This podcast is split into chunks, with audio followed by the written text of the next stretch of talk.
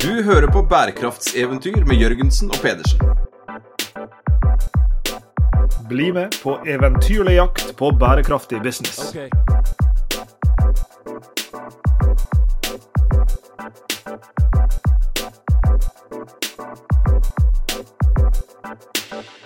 Sveinung, har du eh, sånn penoltusjflekker på buksa di i dag? Igjen.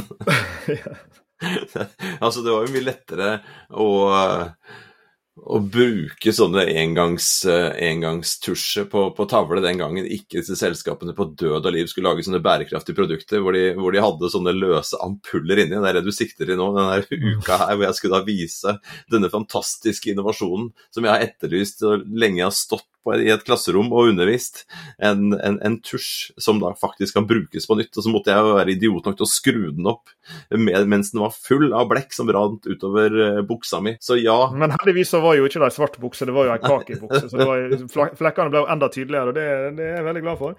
Det betydde jo at jeg vet jo, jeg kjenner deg godt nok til at jeg, jeg vet at den buksa hadde du hatt noen år, så det var jo på tide å kjøpe en ny bukse, og det er det jo av og til. Det er det. Eh, og dessverre, i en verden hvor ressursene er knappe og bærekraftsproblemene er store, så, så, er jo mange av de problemene knytta til klærne vi har på oss. Det er jo et tema vi stadig kommer tilbake igjen til eh, i denne serien. og Vi snakker med ulike typer aktører fra Repasto, og vi snakker med Adam Martini og vi snakker med mange, mange ulike mennesker som, som jobber for å gjøre klesindustrien i det store, og, og fashion mer spesifikt, eh, mer bærekraftig.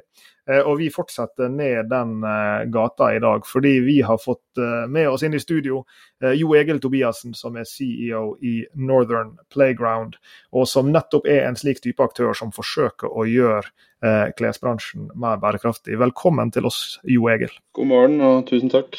Jeg leser her i en eh, artikkel fra E24 som ble publisert i fjor, et intervju med deg med overskriften 'Klesgründeren som vil at du skal kjøpe mindre, vil vokse mer'. Eh, det høres litt paradoksalt ut. Syns du det? Det var skarpt eh, observert, syns jeg. Ja, tusen, tusen takk. Nei, du har øvd lenge på å prøve å, å finne de nyansene. Hva er dette her bunner i? Eh, det bunner jo i den litt sånn åpenbare observasjonen av at i forbruksverden generelt, men kanskje særlig i klesbransjen, så, så blir vi pepra ned med kommunikasjon som sier at kjøp denne, for denne er bærekraftig.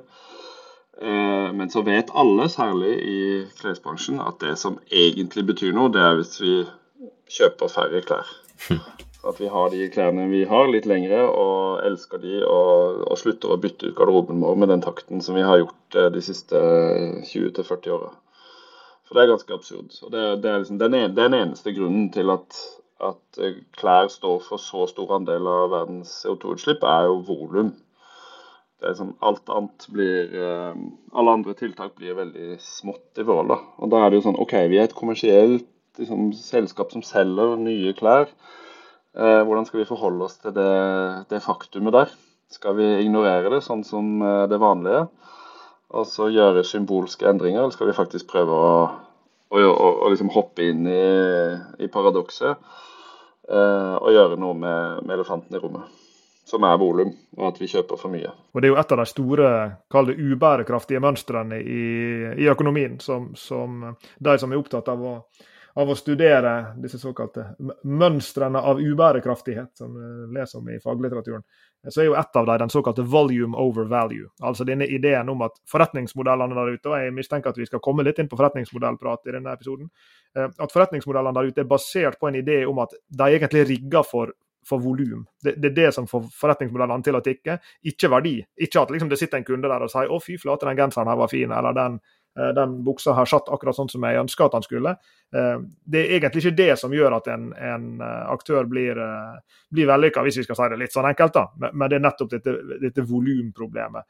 Og, og, vi ser jo det sant, i, i klesbransjen i, vid forstand, ikke minst med framveksten av type ultra fast fashion-aktører og sånn, så er jo det akkurat som dette her er en sånn i ferd med å spinne ut av kontroll i en viss forstand. Hvordan føles det som gründer i Eh,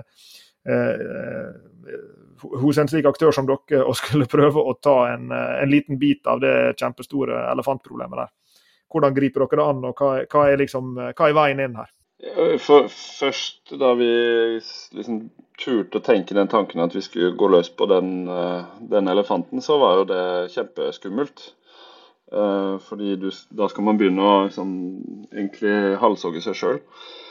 Eh, men etter hvert så er det jo egentlig bare blitt morsomt. For nå, nå, tror vi på noe som ikke er falskt. Og vi kan kommunisere noe som ikke er falskt, syns vi i hvert fall. Uh, og da blir det jo egentlig bare gøy. Da er, vi sånn, da er vi den lille mauren som hopper ut i den store flomelva og skal prøve å svømme oppover. Uh, og det er, jo, det er, jo, gøy.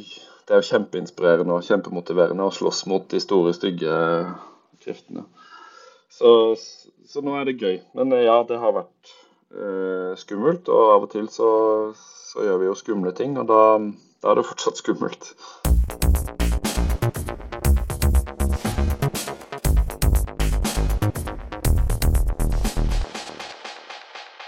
i den nordiske lekegrinden Northern Playground.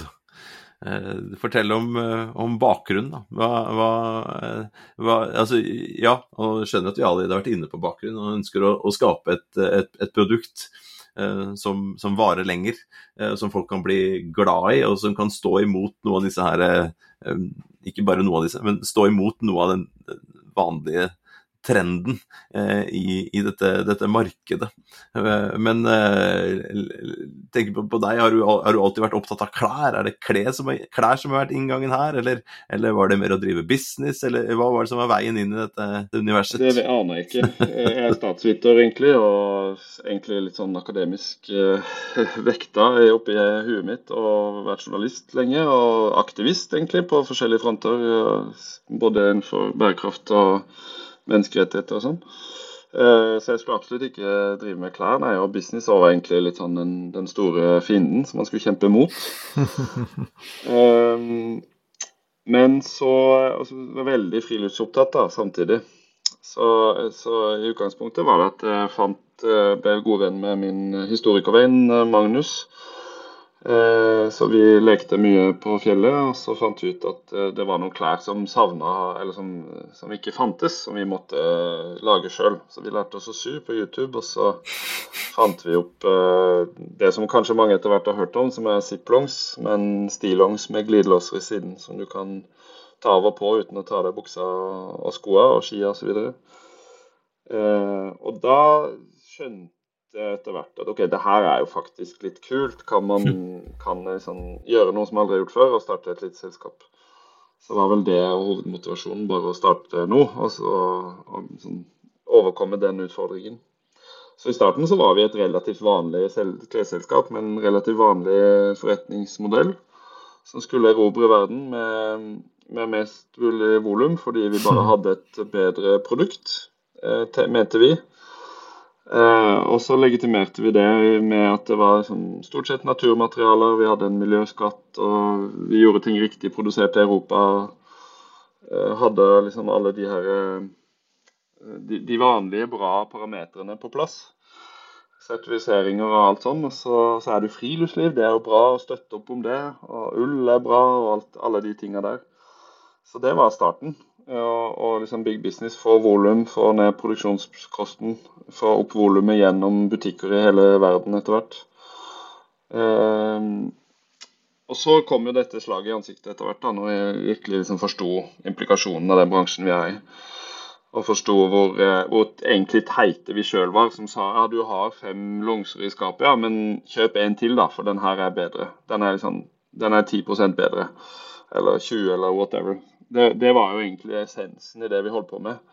Akkurat som uh, klesbransjen er blitt verdensmester i å si at den fargen som du kjøpte i høst, uh, den er nå ut. Uh, så nå må du kjøpe en ny en. Eller den, den, glidelåsen som vi hadde på den jakka i fjor, den har vi vinkla liksom fem grader til venstre nå, så nå er jakka veldig mye bedre. Så hvis du skal på topptur nå, så må du, nå må du ha årets. Fjorårets, den, den duger ikke. Uh, og så blir vi lurt da, til å tro at det faktisk har noe for seg. Det er jo bare oss tre her nå, vi skal jo ikke dele dette her med noen. Så, så hender det Hender det du, du, er, du, er, helt trygg, trygg, hos oss. Hender det at du våkner opp om morgenen og tenker liksom fanken, så satt jeg med den der zip-longsen som en kjempeidé, som, eh, som, egentlig burde vært dytta ut i alle verdens kalde, kaldeste hjørner, og ikke gått inn og tatt på oss den der Messias-kjortelen og, og skulle ta igjen for miljøet i tillegg, liksom. Ja, kanskje. Ja. ja nei, jeg kjenner meg ikke sånn kjempe igjen. Jeg tror ikke det, men jeg har i hvert fall tenkt sånn Altså, noen burde ha kapitalisert på den ideen i mye bedre grad enn det vi klarte. For det er jo en helt sinnssykt bra produkt. Det, det er jo et superbra produkt. Vi klarte ikke å verken å, liksom, å få det til å rulle ordentlig, eller å, å, få det til å passe inn i sånn egen, egen verden, etter egen moralske verden. Så det er noen andre som prøver, da, som ikke får det helt til, de heller. Nei, gjør ikke det, altså. Det er jo bare så utrolig smart. Ja, sant? ja, ja. Hvert jeg, jeg, kan, jeg hadde jo daua på Nordpolen. ikke sant? Jeg er jo ikke skapt for denne verden. og Jeg kunne godt ha gått på en god stund, men jeg blir så jækla svett. Så, så, så jeg hadde jo daua hver gang vi skulle hatt pause, ikke sant? for å yes. måtte ta og skifte, skifte hele tida. Så, så for, for, folk som meg, da, som er kjapt klar til eh, krig. altså, spretter en ball forbi eller eh, et par staver, så jeg på, hiver jeg meg på. Og, men jeg blir jo altfor fort uh, våt, ikke sant. Så det å kunne ha den type uh, Ja, det er jo bare, bare, et genialt produkt som burde komme i, i, i, hår, i våren eller høstens nye farve. Hvert år. Jevnt og trutt. Nei, beklager. Beklager. Men, men, men, den skal dere ha. Gratulerer med den, og, og lykke til til de som tar det videre. Eh, men, men, eh, den er ikke en del da, av, av, deres portefølje i dag? da? Jo, det er det, jo, jo absolutt. Men, okay. Men, men hva skal jeg si, kommunisert på en litt annen måte. Okay.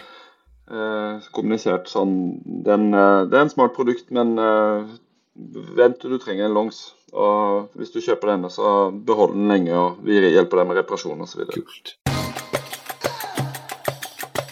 Check it out.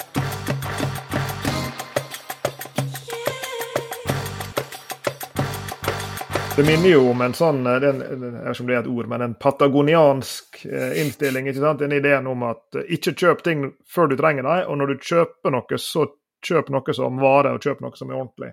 Um, og Jeg tenker jo på dere som en det er jo ukontroversielt da, men jeg tenker jo på dere som en aktør i liksom den sirkulærøkonomiske tilnærminga til, til, klær. ikke sant? Og så er jo Sirkulærøkonomien interessant, for der er så veldig mange fasetter av den. Eh, og som, som Sveinung liker å poengtere, på det dypeste nivået så er jo refuse, altså med andre ord ikke kjøp noe i det hele tatt. Og i teorien kunne vi vel Du kunne strikka din egen longs, Sveinung, men da uh, hadde du vel ikke overlevd halvveis til uh, ned på Stortorget en gang. Uh, langt mindre til Nordpolen.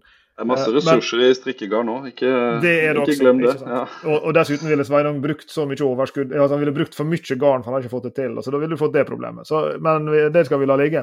Men, men her er jo mange måter en kan gjør klesbransjen mer sirkulær på.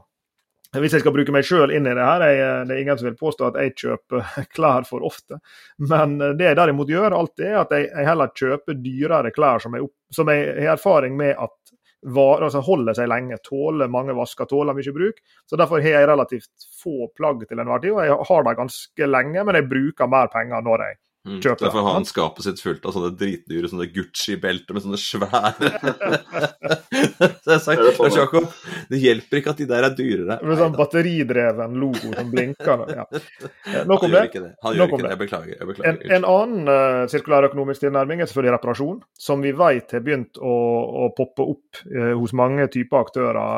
Uh, både, både sånn Small as Beautiful-aktører og, og, store industrielle aktører tilbyr ulike typer reparasjonstjenester. Eh, og En tredje en selvfølgelig kan jo knytte seg til helt andre typer forretningsmodeller, sånn som f.eks.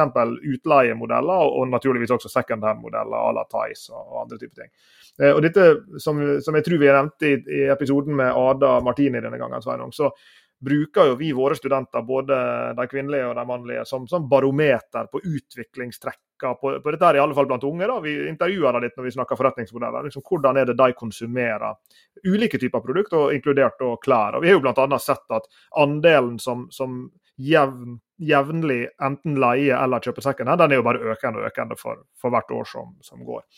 Eh, og, og, Som aktør da, så kan en jo velge å gå i én av disse retningene. En kan lage ting som varer, en kan lage ting som kan repareres, en kan lage ting som kan leies ut, og en kan gjøre flere av dem. Kan, eh, kanskje du forteller oss litt om hvilke av disse Dette var ikke engang alle de sirkulære strategiene, men det er noen eksempler. Kan ikke du fortelle oss litt om hvordan dere har tenkt rundt veivalget for å, å bli en bærekraftig aktør og en mer sirkulær aktør på, på feltet?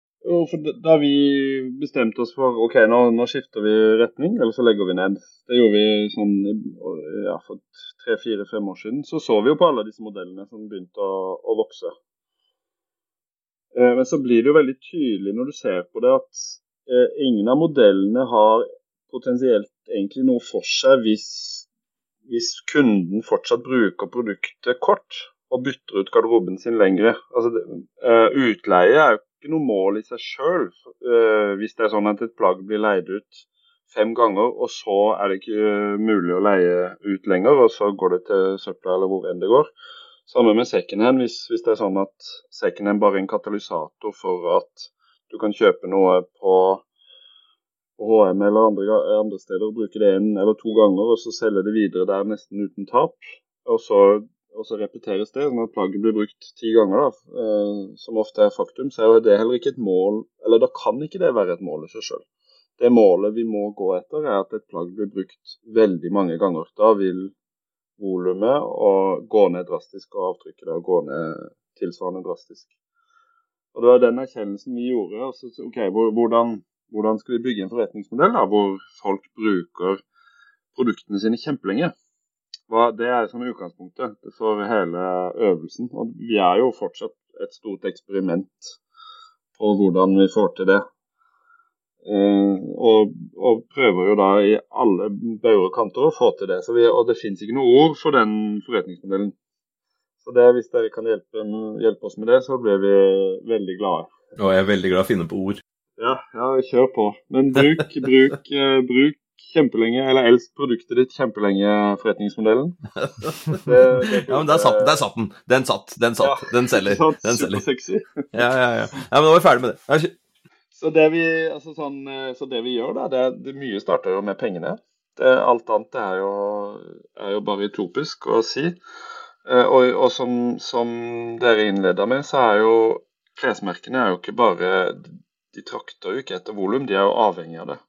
For alt er bygd opp om rundt volum og lave marginer per plagg. Altså at, at, selskapene tjener veldig lite penger per plagg. Og så bruker de enormt mye penger for å få folk til å kjøpe produktet. Det er egentlig der når, Hvis T-skjorte koster, eller en skjorte da, koster 1000 kroner, så er jo brorparten av de pengene eh, brukt til at eh, folk skal kjøpe produktet. Og det kan man jo definere som sløsing. Så rabatter f.eks. Eh, over en tredjedel av klær i verden blir solgt med rabatt. Og det er jo egentlig en kostnad for selskapene for å få folk til å kjøpe produktet. Eh, veldig mye klær blir bare pælma, så det overproduseres. Eh, de fleste klær blir solgt gjennom ikke bare ett mellomledd, men mange mellomledd som skal ha utgifter. Markedsføring brukes enormt mye markedsføring. Så, så, hvis man tar bort da, si at man tar bort alle de, eh, de, midlene som i den tusenlappen som går til å få folk, eller overbevise folk til å kjøpe produktet, og bruker det på helt andre verdier. Eh, det vanlige da er jo kanskje å, å sette prisen lavere i en sånn modell. Men hvis man ser for seg ok, hvis vi ikke setter prisen lavere, hvordan, hvilken verden kan vi da konstruere med den marginen som blir frigjort? Og Det var jo den observasjonen vi gjorde. og så bare Wow, ok, fett, her er det noe, er det noe spennende. Eh, så Helt kort fortalt så er det det vi har gjort. at Vi har for det første frigjort oss fra volumhysteriet fordi vi tar litt høyere margin. At vi sitter igjen med litt mer eh, til, til, å betale lønn og alt sånt. Eh, da er vi ikke avhengig av å måtte produsere vanvittig mye. Og så to, så bruker vi mesteparten av den ekstra marginen på å innføre verdier i plagget som gjør at kunden eh, ønsker å bruke det lengre. Og det er jo alt fra å liksom, i funksjon, at vi ikke tenker på pris når vi designer. Hvis vi designer liksom, drømmeplagg og holder ikke noe igjen der på kvalitet og, og hele den biten bruker de absolutt beste kvalitetene som vi vet folk uh, bruker lenge.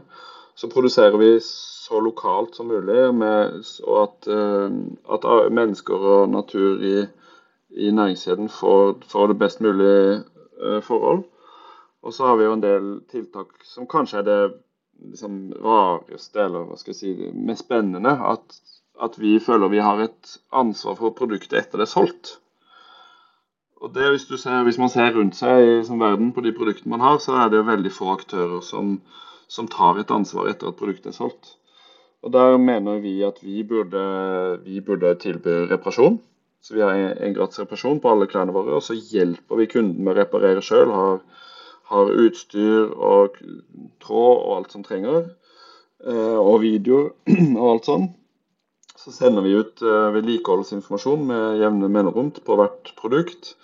Uh, I det produktet ikke kan repareres mer, så tar vi det inn for å kunne resirkulere det osv. Så, videre. så Så å ta det ansvaret etter at produktet er solgt, er kanskje det aller viktigste. Og kanskje like viktig kommunisere, eller å nudge, inspirere til å bruke lenge. Eh, så Vi har jo ikke kolleksjoner, f.eks., men vi, det, hvis du har, ikke sant, hvis det er bilder, er mye, bilder driver veldig mye av eh, klessalg. Og freshe modeller i forskjellige settinger og sånn. Men eh, så hvis man bare, bare som et minieksempel istedenfor å ta nye bilder med nye farger hele tida på det egentlig samme produktet, så bruker man de samme bildene som man har brukt år etter år. Sånn at man gir en, en sjøltillit til de som kjøpte produkt for tre år siden, at det fortsatt er kult. Det er en sånn, ikke en stor greie, men en sånn, egentlig å snu alt litt på hodet da, i markedsføringen av klær.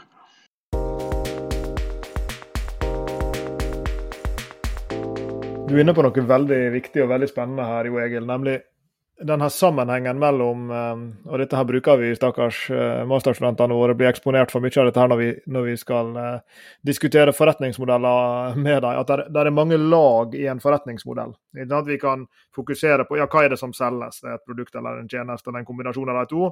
Og så er det en forretningsmodellpakker rundt det, som inkluderer hvordan dette produseres, hvordan det markedsføres og alt det der. Det er en finansiell dimensjon av dette, hvordan er det vi tjener penger på disse transaksjonene. Der er vi, det er ulike sånn delene av forretningsmodellen. Men, men, så er du inne på dette her som i en viss forstand ligger litt over, eller det er ikke rett, for det er en del av forretningsmodellen også. Men som du sa, eh, liksom, vi, vi eh, ja, altså det, det at det, det, det, kommuniseres rundt det som selges på en bestemt måte, som stimulerer til noe. Du er inne på dette med reklame for eksempel, da, og markedskommunikasjon mer generelt. Det er jo en del av forretningsmodellen, bevares. Men det er også noe som i en viss forstand bereder grunnen for forretningsmodellen. Altså i den forstand at ja, du kan eh, liksom, For å få en ultra fast fashion-modell til å fly, altså er det en del ting kundene skal læres opp til i at du skal ha en ny T-skjorte hver 14. dag. Og det, og det, er en mm. omstilling fra slik den forretningsmodellen så ut før. Og det har med forretningsmodellen å gjøre, men det ligger i en viss forstand som et sånn lite teppe over eller under, eller plasser det hvor du vil. Eh, og, og, jeg syns dette her er veldig spennende, for, fordi det som er min første assosiasjon til, til, typen forretningsmodell du snakker om her, det er jo det som, som i, i uh, i litteraturen rundt dette, forskningslitteraturen rundt det, ofte refereres til som sufficiency business models. Altså forretningsmodeller basert på at ting skal være tilstrekkelig, at det skal være liksom, nok. Og det, I det liksom, hierarkiet av bærekraftige forretningsmodeller ligger den ganske høyt. For det er litt sånn, Ofte så ligger jo i det at ja, vi skal lære kunden til at, at han ikke nødvendigvis trenger tre biler, det er nok med én. Eller ikke nødvendigvis trenger tre fleecegensere, det er nok med én. Men, men også kanskje at vi skal lære kunden til at han trenger kanskje ikke denne mobiltelefonen, laptopen eller whatever, med, med, så mange funksjoner eller funksjonaliteter. Det finnes en enklere versjon av produktet som er godt nok til, til de bruksområdene som denne kunden har. ikke sant? Og Da er det igjen dette volume over value-problemet. at Det er jo alltid fristende for en selger på Elkjøp å selge deg den laptopen eller den telefonen som er dyrest og har flest funksjoner, selv om du er en eh, bestefar på 88 som egentlig kun skal ringe og kanskje sende en tekstmelding iblant. Eh, ja, stor, stort lerret å bleke. Men sufficiency business models, her syns jeg det er noe som er, som er, viktig. og det er det at, uh, og Dette er en gammel kjepphest for meg. Når dette ordet kommer opp, sufficiency, eller liksom tilstrekkelighet, jeg skal si et godt norsk uh, uttrykk for det, så er det kanskje litt sånn bærekraftsmenighetsgreie. At det alltid skal bety liksom så enkelt som mulig, og aller helst bo i ei hytte av bark. og, og liksom slikke på en maiskolbe i 14 dager for å, for å overleve. Men et viktig poeng her er jo at en Hørtes ikke fristende ut, Svein? Du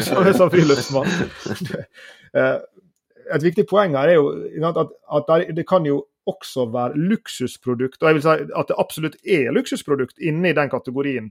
Du kan si at en eh, Patek Philippe eller en, en eh, Hermes-veske vil jo falle i en sufficiency-kategori, selv om de er meget, meget dyre. I den forstand at det er et produkt du har for alltid. Eh, så er det selvfølgelig sånn og det er jo der liksom, det bryter litt sammen på et vis. da, At en person som har en Patek Philippe eller en Hermes-veske, har gjerne andre klokker og har gjerne andre vesker også. Så det er ikke sånn at de slutter å kjøpe andre ting mm. bare fordi de har den. Men, men, det kan på en måte ikke det produktet klandres for, for det produktet er laga for å vare evig. Eh, jeg har brukt før, tror jeg, Sveinung, i denne serien eksempelet med med, med, min platespiller, en Techniques 1210, som jeg sågar Jeg kjøpte ikke den engang, jeg fikk den som del av konkursboet til vår gamle platebutikk. Når det, det viste seg at vi hadde spytta for mye penger inn, og det var ikke penger ut. så Da tok jeg med meg platespilleren istedenfor. Og den står der oppe fortsatt. Han har vært reparert en rekke ganger. Jeg kommer til å ha den for alltid. Jeg kommer aldri til å kjøpe en platespiller til. Hvorfor i all verden skulle jeg det? Eh, han er jo der for å vare evig, for han er så reparerbar, han er så robust, han er så god. Det er den eneste platespilleren jeg kommer til å trenge. Ja.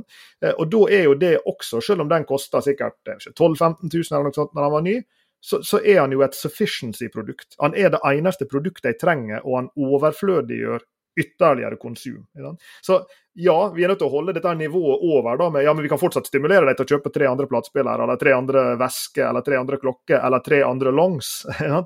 Eh, hva nå en produktkategori vi snakker om. Men, men liksom, det høres jo ut for meg som, og nå er jeg på slutten av en lang eh, tankerekke her, det høres jo ut for meg som, som, at det er i dette landskapet her dere prøver å hogge ut ei hylle for dere sjøl, i en sånn type i utvida forstand sufficiency-forretningsmodell. Ja, det tror jeg kanskje du uh, definerer uh, enda bedre enn det, det vi klarer, uh, fra den stolen du sitter i. men ja, det er i hvert fall ikke noe som protesterer der. Det er mange ting jeg har tenkt på nå, men én ting jeg har tenkt på, det er jo det follow the money igjen, da, som er eh, som, som, vi bare må være litt sånn ærlige med oss sjøl noen ganger.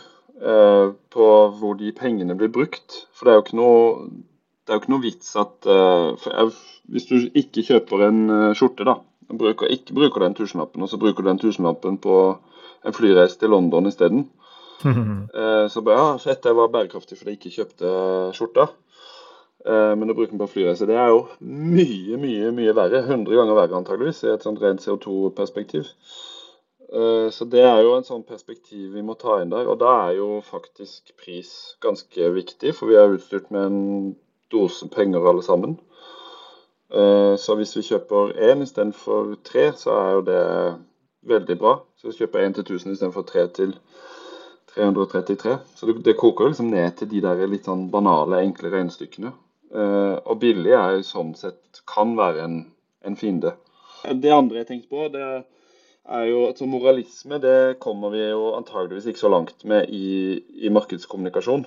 Mm. Altså, du kan ikke Den hytta med den eh, maiskolben, du kan ikke markedsføre det som liksom Da når du jo ikke veldig mange, i hvert fall.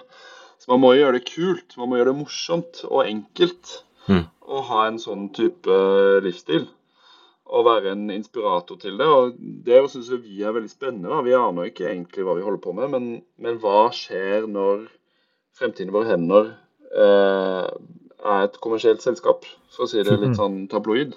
Hva skjer med kunden da? For kunden, det eneste man vet, er at kunden lytter jo til et kommersielt selskap på en, på en annen måte enn de lytter til, til Greta Thunberg eller en NGO. Akkurat hvordan de gjør det, det, det, er ikke så godt å si, men, men at vi har en annen stemme enn en miljøorganisasjon eller eh, et miljøparti og sånt, det, det, tror jeg er ganske trygt å kunne si. Eh, og hvilke implikasjoner det får og sånt, det, det, det syns vi er veldig spennende. da. Og, og, den rollen man kan ta, som egentlig veldig få selskaper, særlig i Norge, egentlig har tatt. Den aktivist-rebell-rollen, som sier det bare litt som det er. Eh, du nevnte Patagonia. Det, det, er sånn, det, er helt umulig å ikke komme utenom de. Som de har jo vært veldig flinke, særlig på kommunikasjon. Og tørre å, å gå sine egne veier der. Og det, jo, det, gir jo en viss trygghet for oss andre selvfølgelig, at det er mulig.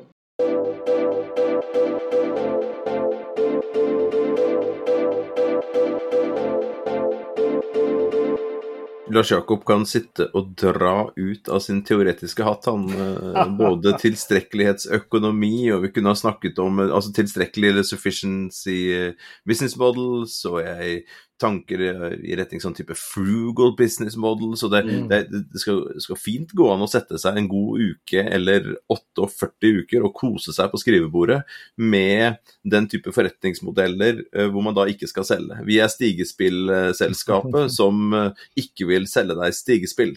Men, men, det står veldig lite i den litteraturen, så vidt jeg kan forstå, om hvordan i all verden man skal da kunne samtidig Eh, heve en, en grei nok lønn, eh, betale skatt til eh, fellesskapet, produsere eh, har råd til å kjøpe inn, inn de varene man trenger, eh, og, og, få med seg kanskje en, en, en investor som, som tør å, å, bruke sparepengene sine inn i dette. og Det du beskriver, er jo, og det, det, det jeg tror er virkelig et tomrom bak, er jo da tomrommet bak ordet og begrepet en sufficiency business model, f.eks. For hvordan i all verdens navn og rike skal man overleve i det eh, på en grei nok måte? da? Man kan jo ønske da også tenke at, eh, at man også kan vokse, fordi at man kan jo tenke at hvis vi vokser. Det er omtrent som en sånn type kalle grønn vekst, da, at vi, vi, vokser i yogatimer, som vel Per Espen Stoknes har, har, har, forklart. Og det er jo supert med vekst hvis det er antall yogatimer som, som går opp, liksom. Det har veldig liten skade og, og, og, veldig veldig mange positive sidevirkninger. Men det er ikke så lett da, for, for, for folk som, som, som, deg og dere. Og Du sier jo også åpent, der, vi, vi vet jo ikke helt hva vi driver med på med her. Vi har begynt fra én retning. Vi har uh, vi sonderer dette terrenget, og så prøver vi å finne ut ja, hvordan kan vi få inntekt nok på dette her. Um, når man ikke da kjører knallhardt på, på, på, på en, en, branding som alltid er nytt og alltid liksom pushe videre og spille på disse følelsene vi har som menneske om alltid måte, skille oss ut, ha det nyeste, eller ikke skille oss ut, være akkurat som alle andre som også har kjøpt seg akkurat det nyeste, av det riktige merket. Eh, og man skal jo ha marginer. ikke sant? Det er ikke noe problem for deg å bruke 1000 kroner per T-skjorte som du klarer å selge for 800, eller du kunne brukt eh, 4000-5000 eh, og fått den til å vare herfra til månen og sikkert hatt noen enzymer i seg som gjorde at eh, min svette aldri, aldri ville generere lukt. ikke sant? Det er jo ikke noe problem med å mette hvert produkt og, og, og hver ansatt og, og, i hele verdikjeden. Og, sørge for at uh, klærne blir frakta med, med liksom uh, esler som, som, var utgått på dato, som ikke kunne bruke til annet lenger. Og så hadde man sånne silkeruter av gårde. Altså, jeg bare spinner av gårde på, på, på, på, innpust og utpust her. Men det er jo ikke noe problem å, å mette kostnader i en sånn type modell. Så hvordan få redusert kostnadene akseptabelt, og da ha akseptable inntekter, sånn at man kan overleve, men også da vokse. fordi at man, dere har jo en tro på at dette her er noe som flere burde ha glede av, og det er en forretningsmodell som flere virksomheter også, eh, uten å, å ha angst i måneskinn hver gang man tenker på den, kan begynne å, å, jobbe med. Kan ikke du fortelle litt, litt mer om hvordan dere forsøker å mette denne forretningsmodellen med innhold? da? Nå ble jeg i tvil på hva du mente med innhold. Ja, Det skjønner jeg veldig godt, og den, og den, reaksjonen hender at jeg får. Så du var inne på det i sted. Sånn og sånn prøver vi å tjene penger på dette her. Sånn og sånn prøver vi å holde kostnadene nede. Sånn og sånn prøver vi å, å, å lage da, ting av god kvalitet som folk vil ha, uten at det koster oss uh, fletta.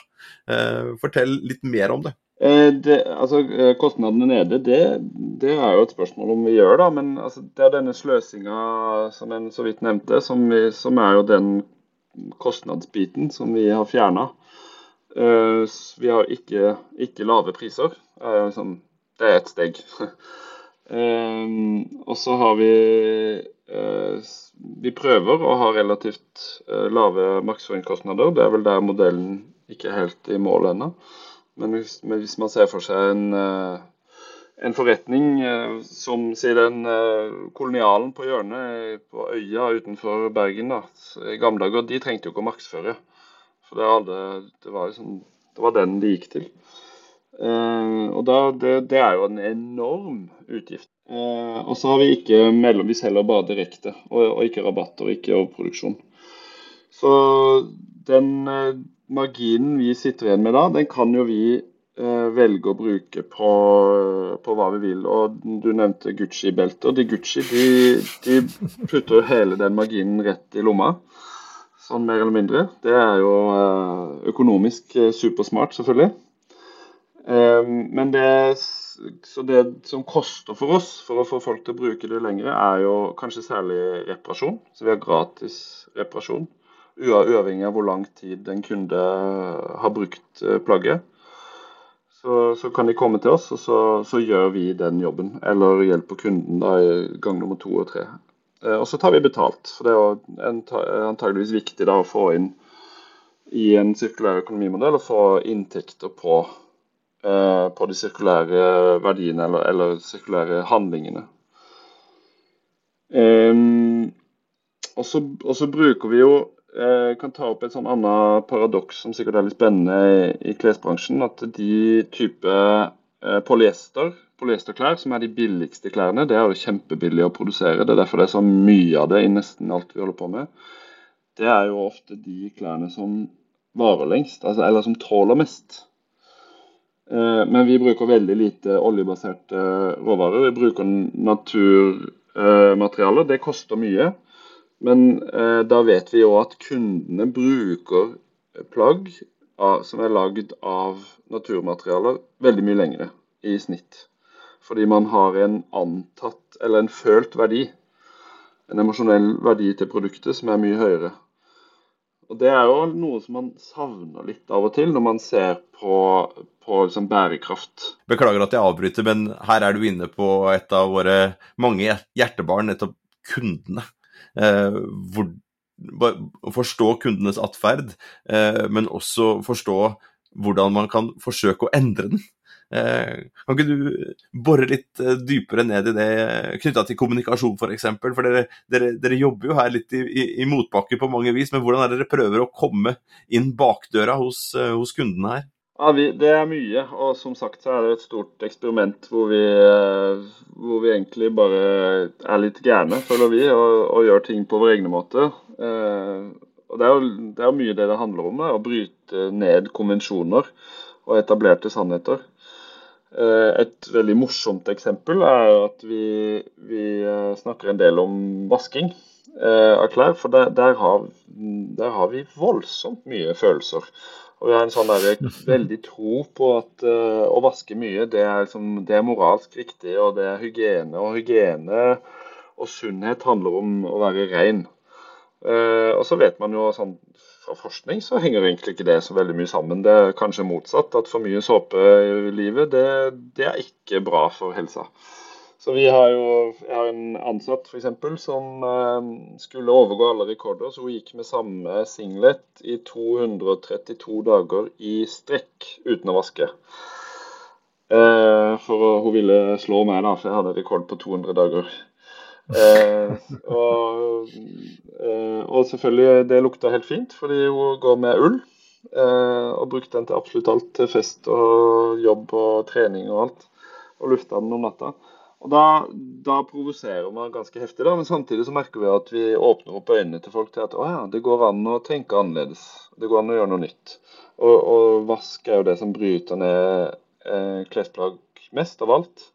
Så ikke vaske har noe for seg for å bevare lengre. da. Og så gjør det jo at det er mye lettere å ha færre plagg, selvfølgelig. Eh, så får av og til særlig menn de kommer inn i butikken vår og så sier de sånn ah, 'Nå har jeg ikke vaska på 40 dager, men jeg har ikke sagt det til kona.' det, var, et, eh, et morsomt uh, altså, eksempel. Min, vi, ja. Nei, for min treningsbag den er jo full av polyester. ikke sant? Jeg, har jo allerede lagt liksom uh, hodet mitt på hoggestaben og, og, og innrømma at jeg lekker. Altså sånn, Jeg, jeg svetter jo som uh, og, og, og, spiller ofte litt for lenge. Er jo, da er det ikke noe hemmelighet at jeg bruker en del, en del tid med tennisracket. Eh, og, og, underveis i en, en tre timer, en, en god treningsøkt, sånn skikkelig maksa ut, så, så skifter jeg vel skjorte fire eller fem ganger. ikke sant? Og, og, og burde jeg da egentlig ha gått over til, til ull og trent? Og bør, er det flere av oss som bør egentlig trene den type aktivitet i ullklær? Veldig mange går jo den retningen. Det har jo vært en trend faktisk ja. til, til, trening i ulla. Altså ikke bare friluftsliv, men faktisk trening. Uh, så er det jo altså, I noen situasjoner eh, så kan jo ull bli jo litt tyngre med, med fuktighet. Altså Polyester kvitter seg med fuktigheten mer effektivt enn ull. Så man kan kanskje oppleve at plagget blir litt tungt. Så det er jo en nedside. Men du slipper å vaske, da. Du kan bruke det til trening i så lenge du vil, egentlig. Ja, fy faen, det der lurer jeg på om, om hadde vært liksom jeg, jeg, jeg, jeg, skal, jeg skal prøve. Jeg skal herved prøve, liksom. Men hvis jeg hadde vært på trening én gang og ikke vaska klærne neste gang, så tror jeg jeg hadde vært aleine i hallen, for å si det sånn. Men kanskje det er ull som er nøkkelen? Interessant. Ja, ja, det er absolutt. Jeg har jo vokst opp i eh, ull... Eh, jeg skal si ullhovedstaden, det er kanskje å ta i, men jeg vokste opp et steinkast fra ullvarefabrikken Devold. Eh, så jeg kan jo bekrefte at i min ungdom spesielt, så eh, gikk det ganske lenge mellom at disse ulltrøyene ble vaska, og gud hjelpe meg, de hadde vi, og har fortsatt, i veldig mange år. Jeg har noen fryktelig gamle ulltrøyer der som eh, Det forteller vel bare en liten kar, jeg vokser ikke så mye, så det, det er sikkert hjulpet.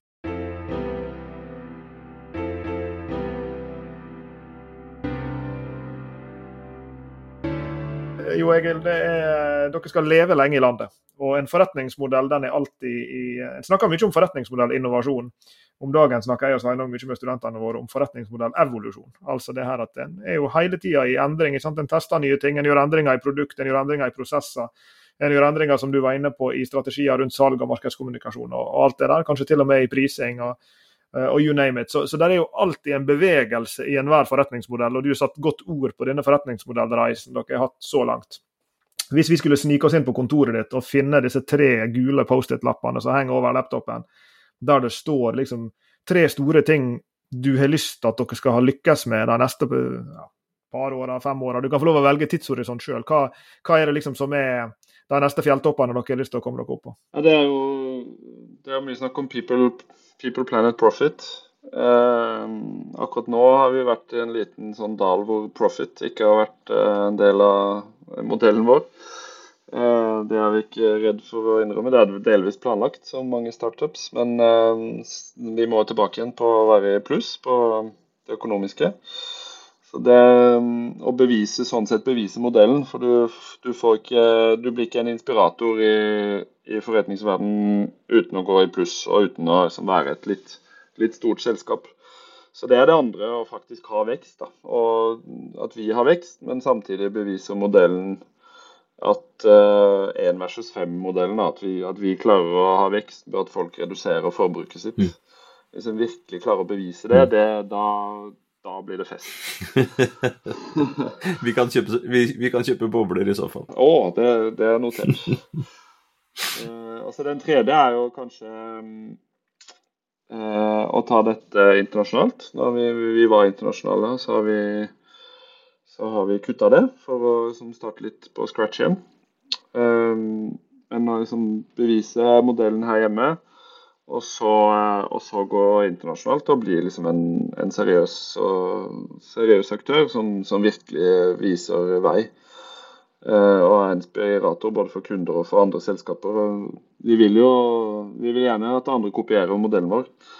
Så det er bare å ta kontakt hvis noen har lyst til å se på den ideer har det som kjent uh, hyggeligst når de har sex. Og da blir det flere ideer av det der ute. Yes.